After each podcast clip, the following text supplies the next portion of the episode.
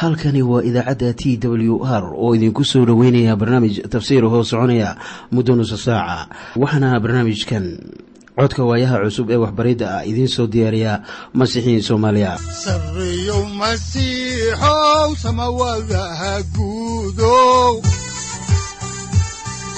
Siraadkii adduunkow subanaha eebow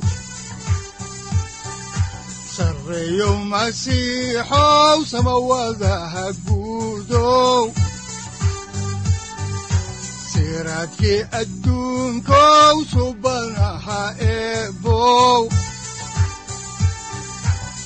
adigoo samada jiro ifkan soo saldhiganba adigoo samada jiro ifkan soo saldhiganba kutubtiisanaye udanogu saaciiday sharxin sifahaaga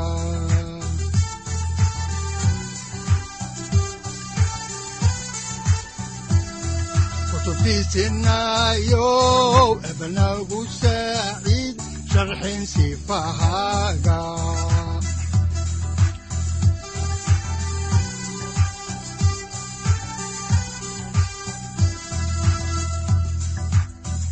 satirow ilaahow adanku su'aalne satirow ilaahow adanku su'aalne safarka kulibana samaha masiixoon sabilahaynaga yee mar kale ayaanu dhegaystayaal idinku soo dhoweyneynaa barnaamijka waxaana aanu caaway mar kale idin bilaabi doonaa barnaamijkii taxanaha ahaa oo aad jeclaydeen ee dhexmarka kitaabka quduuska. Waxaannu macluumaad idinka siinaynaa ahmiyadda injiilka uu leeyahay. Waxaanan idin bilaabi doonnaa cutubka toddoba iyo labaatanaad ee injiilka sida matayos u qoray. Haddaba mawduucyada cutubkani ka kooban yahay waxay kala yihiin kow dhacdada qodbiddii ciise maxkamadda sanhedriin oo ciise u geynaysa bilatos laba toobadkeenka yudas saddex. Ciise oo la hor keenay bilatos afar. Sii dayntii barnabas. Shan. Qodbiddii dhimashadii iyo duugiddii ciise. Iyo lix. Qabriga oo la awday lana dhigay ilaaliyayaal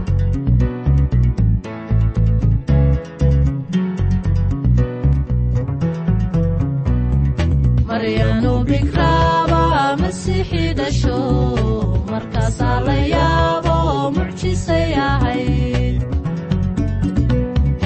iyadoo rag moogbay malaa'ig salaanto markaasay uruudu mucjisay ahayd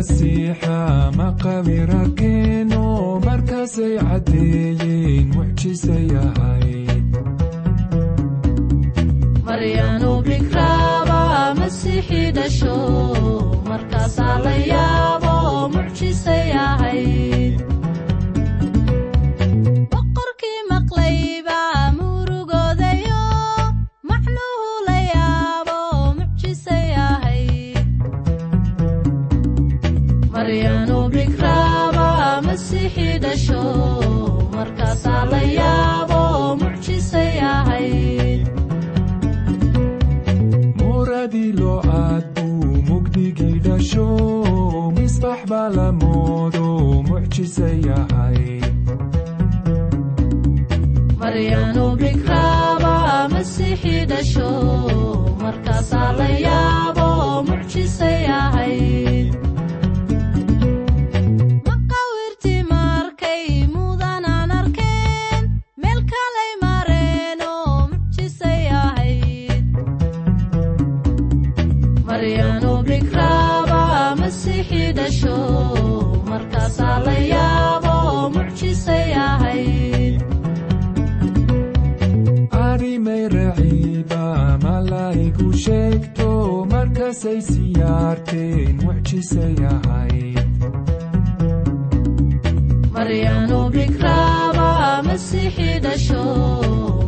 markaasaa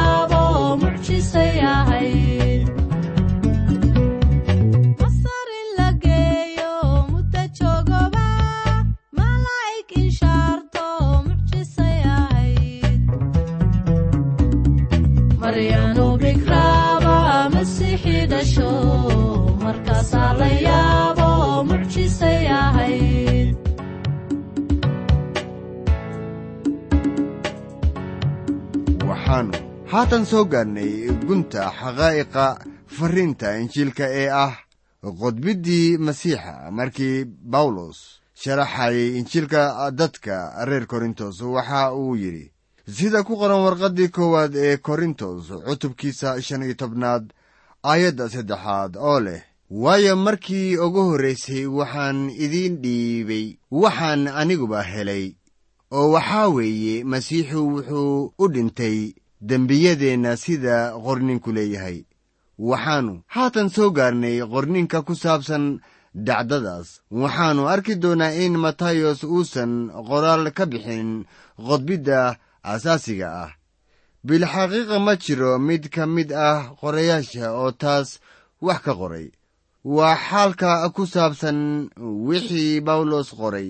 Waxay keliya oo sheegayaan wixii ka dhacay iskutallaabta waxaan garanayaa dad muujiya hab cilmiyeed sidii masaamiirta loogula nabay jidhkiisa oo jaraynaya iskutallaabta dusheeda iyo sidii dhiigu uga soo burqaday. Laakiin taasu kuma qorna baibalka oo qorninka quduska ah. Waxay u muuqataa in ilaah dayr gudcur ah dusha ka saaray saddexdii saacadood ee ugu dambaysay nolosha sayid ciise. Markuu saarnaa iskutallaabta oo uu lahaa tanu waa xaal aan la eegi karin waana wax ka shisheeya fahamka dadka. Dhibaatada tan ma ahaan mid la garan karo. Waxay ahayd hawl ka dhexaysa aabbaha samada iyo wiilka saaran iskutallaabta iskutallaabtuna waxay noqotay meel allabari taasoo baraarka ilaah oo qaaday dembiyada dunida lagu bixiyey. Warbixinta kooban ee matayos inoo hayo waxay tahay subaxdii ka dambaysay qabashadii ciise laga soo qabtay beertii getesame kadib markii la hor keenay kayfas iyo maxkamadda sanhedrin waxaanay waxaasu dhaceen kadib markii markhaati been ah lagu soo oogay oo la dilay laguna majaajilooday kadib markii butros inkiray isaga. Iminkana aynu ka hadalno maaddada ah. Maxkamadda sanhadiriin oo ciise horkeenaysa bilaatos haddaan markii ugu horraysay caawa idin bilowno xigashada ayaan eegaynaa injiilka sida matayos u qoray cutubkiisa toddoba iyo labaatanaad ayadda koowaad oo leh goortii aroortii la gaadhay wadaaddadii sare iyo waayeelladii dadka oo dhan ayaa ciise wax ka gees ah ka wada hadlay si ay u dilaan. Waxay la yimaadeen eed lagu soo oogo ciise waxaanay haatan u qaadayaan maxkamadda sare waxay la ahayd inay leeyihiin dacwad ay la soo hor istaagayaan maxkamadda roomaanka. Haddaan halkaa ka sii wadno injiilka sida matayos u qoray cutubkiisa toddoba iyo labaatanaad ayadda labaad oo leh markaasay xidheen oo kaxeeyeen oo waxay u dhibeen taliyihii bilaatos ahaa. Bilaatos wuxuu aqal ku lahaa yeruusaalem inkastoo xaruntiisu ahayd kaysariya oo ku til badda mediteraneanka wuxuu joogay yeruusaalem wakhtigii iidda kormaridda waayo. Magaaladu waxay la ciiraysay yuhuud u timid ciidda waxaana sida badan wakhtigaas jiray mudaharaad marka munaasabadda caynkaas ah la qaadanayo haddaan halkaa ka sii wadno kitaabka ayaa waxaa ku qoran ayadda saddexaad ee isla cutubkan toddoba iyo labaatanaad sida tan soo socota. Markaas yuudas oo ahaa kii gacangeliyey goortuu arkay in la xukumay ayuu isqoomameeyey oo soddonkii go'go oo lacagta ahaa ayuu wadaadadii sare iyo waayeelladii ku celiyey. Soo arki maysid sayid ciise halkaas ayuu joogaa markii yuudas yimid markii ay wadayeen wadaadada sare iyo waayeellada oo ay u kaxaynayeen bilatos ayaa waxaa yimid yuudas muxuusan yuudas ugu imaanin sayid ciise oo uusan u weydiisanin cafin. Intii uu sidaas samayn lahaa wuxuu la hadlay madaxdii diinta. Sida ku qoran injiilka sida matayas u qoray cutubkiisa toddoba iyo labaatanaad aayadda afraad waxaana qoran oo wuxuu ku yidhi waan dembaabay markaan gacangeliyey dhiig eed la laakiin waxay ku yidhaahdeen maxaa nooga jira? Yeelka marka dhanka kale laga eego waxaa culimmadaasu leedahay waad samaysay shaqada waanay dhammaatay haatan waxaanan haysannaa kii aynu raadinaynay lacag baannu ku siinay haatan dabadeedna kuma baahnin haddaan halkaa ka sii wadno qorninka ayaa waxaa ku qoran injiilka sida matayos u qoray cutubka toddoba iyo labaatanaad ayadda shanaad sida tan. Markaasuu lacagtii macbudka gudihiisa ku daadshay oo ka tegey wuuna baxay oo isdeldelay ninkan wuxuu ka tegey soonaha macbudka markaasuu baxay oo isdeldelay waxay ahayd inuu u soo noqdo sayid ciise oo la cafiyo. Weli fari kama qodna xigashada haatanna aynu eegno. Injiilka sida matayos u qoray cutubka toddoba iyo labaatanaad ayadda lixaad oo leh oo kolkaasuu wadaadadii sare lacagtii qaadeen oo waxay yidhaahdeen xalaal ma ahaan in khasnada quduska ah lagu rido waayo waa dhiig iibkiis. War maxay qudusiin ahaayeen? Lacagtaas dooni maayaan inay geliyaan khasnadda macbudka waayo waxay yidhaahdeen waa dhiig iibkiis. Haddaan halkaa ka sii wadno ayaa waxaa ku qoran ayadda toddobaad ilaa siddeedaad oo isla cutubkan toddoba iyo labaatanaad sida tan soo socota. Markaasay ka wada hadleen oo waxay ku iibsheen dhulka dherya sameeyaha in shisheeyaha lagu aaso. Sidaa darteed ilaa maanta dhulkaas waxaa loogu yeedhaa dhulkii dhiigga. Tan waxay haddaba noqotay mid kaamisha waxyiga ku qoran. Injiilka sida matayas u qoray cutubkiisa toddoba iyo labaatanaad ayadda sagaal ilaa toban waxaana qoran. Markaasaa waxaa noqotay wixii nebi yeremiya ah lagaga hadlay markuu yidhi waxay qaateen soddonkii gogo oo lacagta ahaa oo ah iibkii lagu qiimeeyey isaga kii bini israa'iil ku qiimeeyeen waxayna ka bixiyeen dhulka dharya sameeyaha sida rabbigu iigu amray.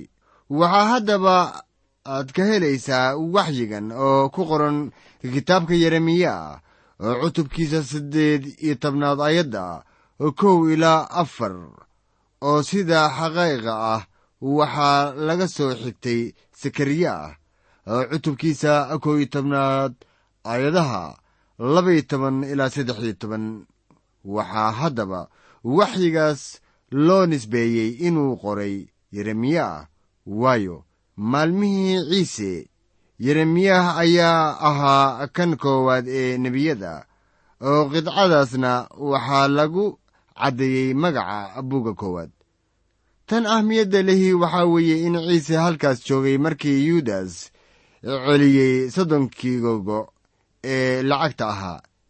Bilxaqiiqa ciise waxaa la siiyey fursad uu isaga ugu yimaado markii uu joogay beertii getsame wuxuuna ku yidhi saaxiib maxaad u timid? Weli saacaddan kow iyo tobnaad yudas ayaa u iman karay sayid ciise oo waa la cafiyi lahaa. Iminkana aynu isla eegno maaddada kale waxaana weeye bilaatos oo su'aalo weydiiyey ciise. Haddaan halkii ka sii wadno injiilka sida matayos u qoray cutubkiisa toddoba iyo labaatanaad aayadda kow iyo tobnaad waxaa qoran. Ciise wuxuu hor istaagay taliyaha oo taliyihiina waa weydiiyey oo ku yidhi ma boqorka yuhuudda baa tahay? Ciisena wuxuu ku yidhi waa tidhi soo arki maysid madaxdii diinta waxay doonayeen inay ka takhlusaan ciise iyadoo ay ugu wacan tahay hadallo ay sheegeen in ciise ku hadlay oo cay ahaa. Waad xasuusataa markii wadaadka sare dhaariyey oo weydiiyey haddii ciise yahay wiilka ilaah iyo haddii kale. Isagoo taas ka jawaabaya ayaa ciise yidhi waxaan ahay wiilka ilaah. Waxa kaloo uu yidhi haatan dabadeed waxaad arki doontaa wiilka aadanaha oo fadhiya midigta xoogga ilaah oo ku imaanaya daruuraha cirka. Marka la eego hoggaamiyeyaasha diinta. Hadalladaas waxay iyaga u ahaayeen aflagaado. Waxaanay ahayd in eeddaas darteed loo dhagxeeyo laakiin roomaanku uma ayan oggolaanin yuhuudda inay fuliyaan xukun dil ah. Waxaana ay ahayd inay horkeenaan bilaatos oo ay la yimaadaan dacwad macquul ah oo ka soconaysa maxkamadda roomaanka haddaba. Inqilaabka ama shirqoolka ayaa ahayd wax ka soconaya maxkamadda roomaanka markana ciise waxaa lagu eedeeyey inuu yidhi ama sheegtay inuu yahay boqorka yuhuudda. Jawaabtii ciise ka bixiyey eeddii lagu soo oogay waxay ahayd waa tidhi amase wuxuu lahaa waa sidaad u tidhi haddaan halkii ka sii wadno xigashada ayaa waxaa haatan ku qoran injiilka sida matayos u qoray cutubkiisa toddoba iyo labaatanaad ayadda labaiyo tobnaad sida tan soo socota goortii wadaadadii sare iyo waayeelladii ay ashtakeeyeen waxba uma uu jawaabin. Waxay ku ogeen dacwad been ah markaana sayidkeennu dan iyo muraad kama gelin jawaabta. Haddaan halkaa ka sii wadno ayaa waxaa ku qoran aayadda saddex iyo tobnaad ilaa afar iyo tobnaad sida tan soo socota. Markaasaa bilaatos ku yidhi miyaanay maqlaynin waxa badan oo ay kugu marag furayaan laakiin uguma uu jawaabin xataa erey keliya. Sidaa darteed taliyihii ayaa aad ula yaabay. Wuxuu ahaa baraarka ilaah soo arki maysid kaasoo ku hor aamusan kuwa dhogorta ka xiira. Sida ku qoran kitaabkii ishacyaa cutubkiisa konton iyo saddexaad ayada toddobaad weli fari kama qodna. Xigashada kitaabka haatanna aynu eegno. Injiilka sida matayos u qoray cutubkiisa toddoba iyo labaatanaad aayadaha shan iyo toban ilaa lix iyo toban oo leh taliyihii waxaa caadadiisii ahayd inuu iidda dadka u sii daayo. Maxbuuskay doonayaan. Markaasay waxay lahaayeen maxbuus caan ah oo la odhan jiray barnabas haddaba matayos nama siinin wixii dhacay. Qorayaasha kale ee injiilka ayaa qayb weyn oo kale ku daraya qisadan. Laakiin matayos wuxuu sheegayaa oo kale runta sida xaqiiqda ah bilaatos wuxuu dareemay in hogaamiyeyaashii diinta ayan inaba haysanin asbaab ay ku codsadaan in ninkan xukun dil ah lagu qaado. Ciise ma kicinin kacdoon oo looga soo horjeedo dowladda roomaanka. Dad kale ayaa sidaa sameeyey laakiin ciise ma ahayn. Bilaatos dhibaato ayaa gacanta ugu jirtay. Wuxuu doonayey inuu raalligeliyo madaxdii diinta si uu horay ugu sii wado nabadda yeruusaleem laakiin wuxuu dareemay si aan sharciga waafaqsanayn inaannu ugu xukumi karaynin ciise dhimasho. Markaasuu xal u raadiyey dhibaatada. Maadaama ay ahayd dabiicaddiisa inuu daayo maxbuus yuhuud ah wakhtiga iidda kormaridda ayaa waxay ahayd inuu dadka siiyo fursad isagoo ku leh ma ciise ayaan idiin daayaa mase barabas oo ahaa dembiile dhiiqabe oo mu'aamirad badan iyo waxyaabo kale haddaan halkii ka sii wadno ayaa waxaa ku qoran injiilka sida matayos u qoray cutubkiisa toddoba-iyo labaatanaad aayadda toddoba-iyo tobnaad sida tan soo socota. Haddaba goortay isu soo urureen bilaatos ayaa ku yidhi iyo maa doonaysaan inaan idiin sii daayo. Barabas amase kan masiixa la yidhaahdo. Bilaatos waxay la ahayd in dadkii badnaa ay odhan doonaan ciise ha la sii daayo. Waayo farqiga u dhexeeya ciise iyo barnabas wuxuu ahaa mid muuqda. Haddaba aayadda siddeed iyo tobnaad ayaa leh waayo wuxuu ogaa inay xaasidnimo ugu soo dhiibeen. Bilaatos wuxuu ahaa siyaasi xariif ah wuxuu arki karayay waxa dhacaya wuxuuna aad u hubay ama garanayay in dadkii badnaa ay weyddiisanayaan barabas in la qodbo oo ciise la sii daayo. Tanuna waxaa isaga siin lahayd in xaalku ugu dhammaado siduu doonayay haddaan xigashada halkeedii ka sii wadno ayaa waxaa ku qoran injiilka sida matayos u qoray cutubkiisa toddoba iyo labaatanaad aayadda sagaal iyo tobnaad sida tan soo socota oo kolkuu kursiga xukuumaadda ku fadhiistay ayaa naagtiisii fariin u soo dirtay oo waxay ku tidhi ha dhexgelin xaajada ninkaas xaqa ah waayo maanta anigoo ku riyoonaya isaga ayaan aad iyo aad u xanuunsaday. Xaaskii bilaatos waxay ahayd naag aad u guracan oo baas. Laga yaabo inay haysatay diin yaab leh. Waxyaabahan oo kalena waa shayddaannimo ma rumaysni in digniintu ka timid ilaah haddii ay ahayd naag xaq ah way baari lahayd ciise waxaanay ogaan lahayd wax badan oo ku saabsan isaga.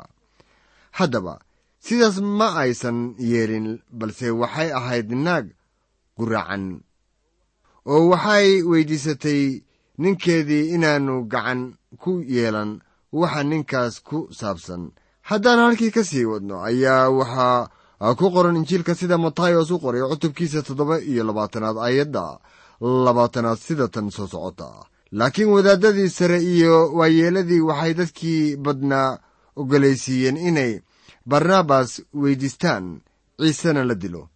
Soo arki maysid madaxdii diinta waxaa iyaga oo qudhooda ahaayeen siyaasiyiin. Waxay dhex socdeen dadkii badnaa iyagoo leh waa inaan weyddiisannaa in barnabas la sii daayo oo ciisena laga takhlusaa.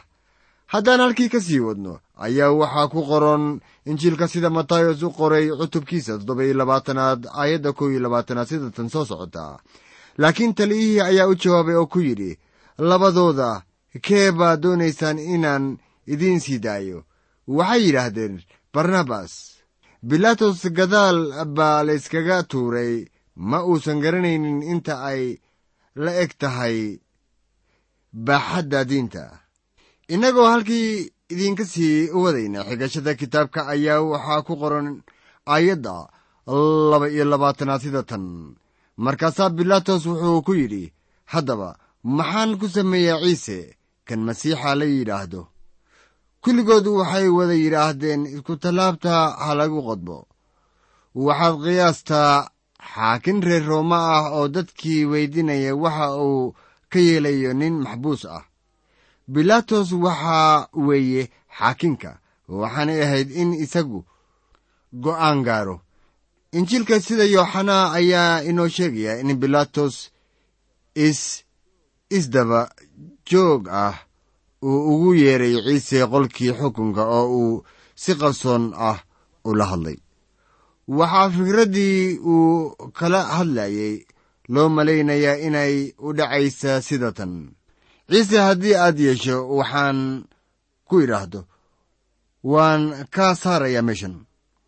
Waxaana taasu xal u keenaysaa umuurtan cakiran ee i hor taalla.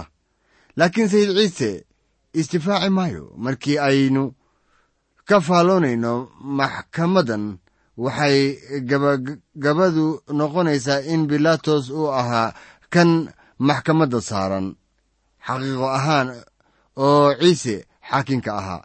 Bilaatos waxay ahayd inuu go'aansado waxa uu ka yeelayo.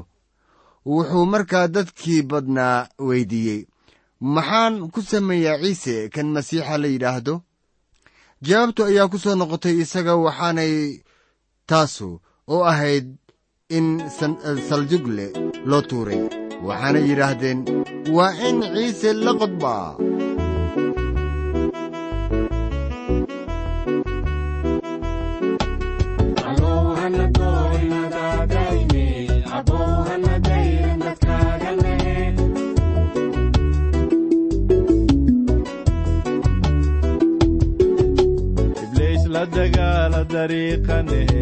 abow hana dayrin dadkaaganehe qofkii dulmi doono dabnaara gelye abow hana dayrin dadkaaga nehe.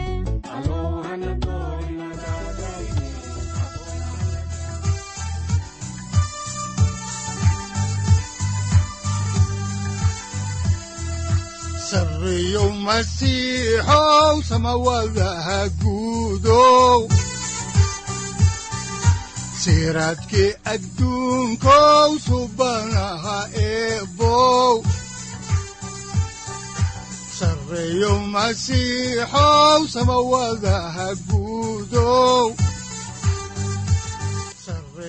masiixow samawadaha guudow. Siraadkii adduunkow subanaha eebow adigoo samaada jiro ifkaan soo saldhiganba adigoo samaada jiro ifkaan soo saldhiganba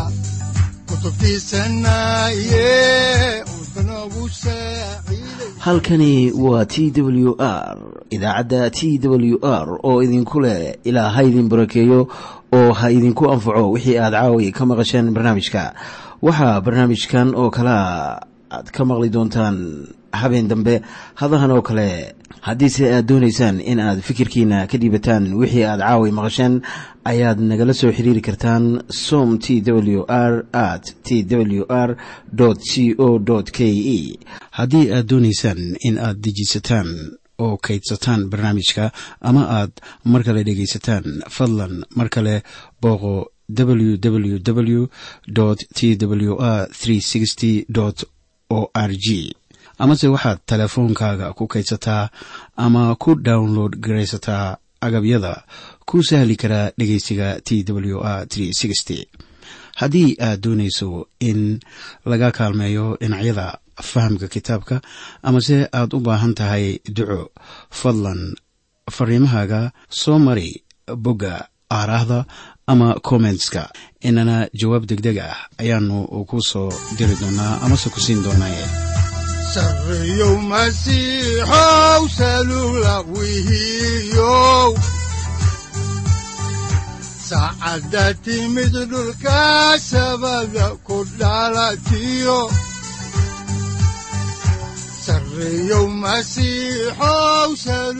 halkani waa t w r oo idiin rajaynaya habeen baraare iyo barwaaqaba leh inta aynu ka gaari doono wakhti aynu ku kulanno barnaamij la mida kan caawayay aad maqasheen. Waxa aan idinku leeyahay nabadda ciise masiix ha idinku badato xagga jidhka iyo ruuxaba. Aamiin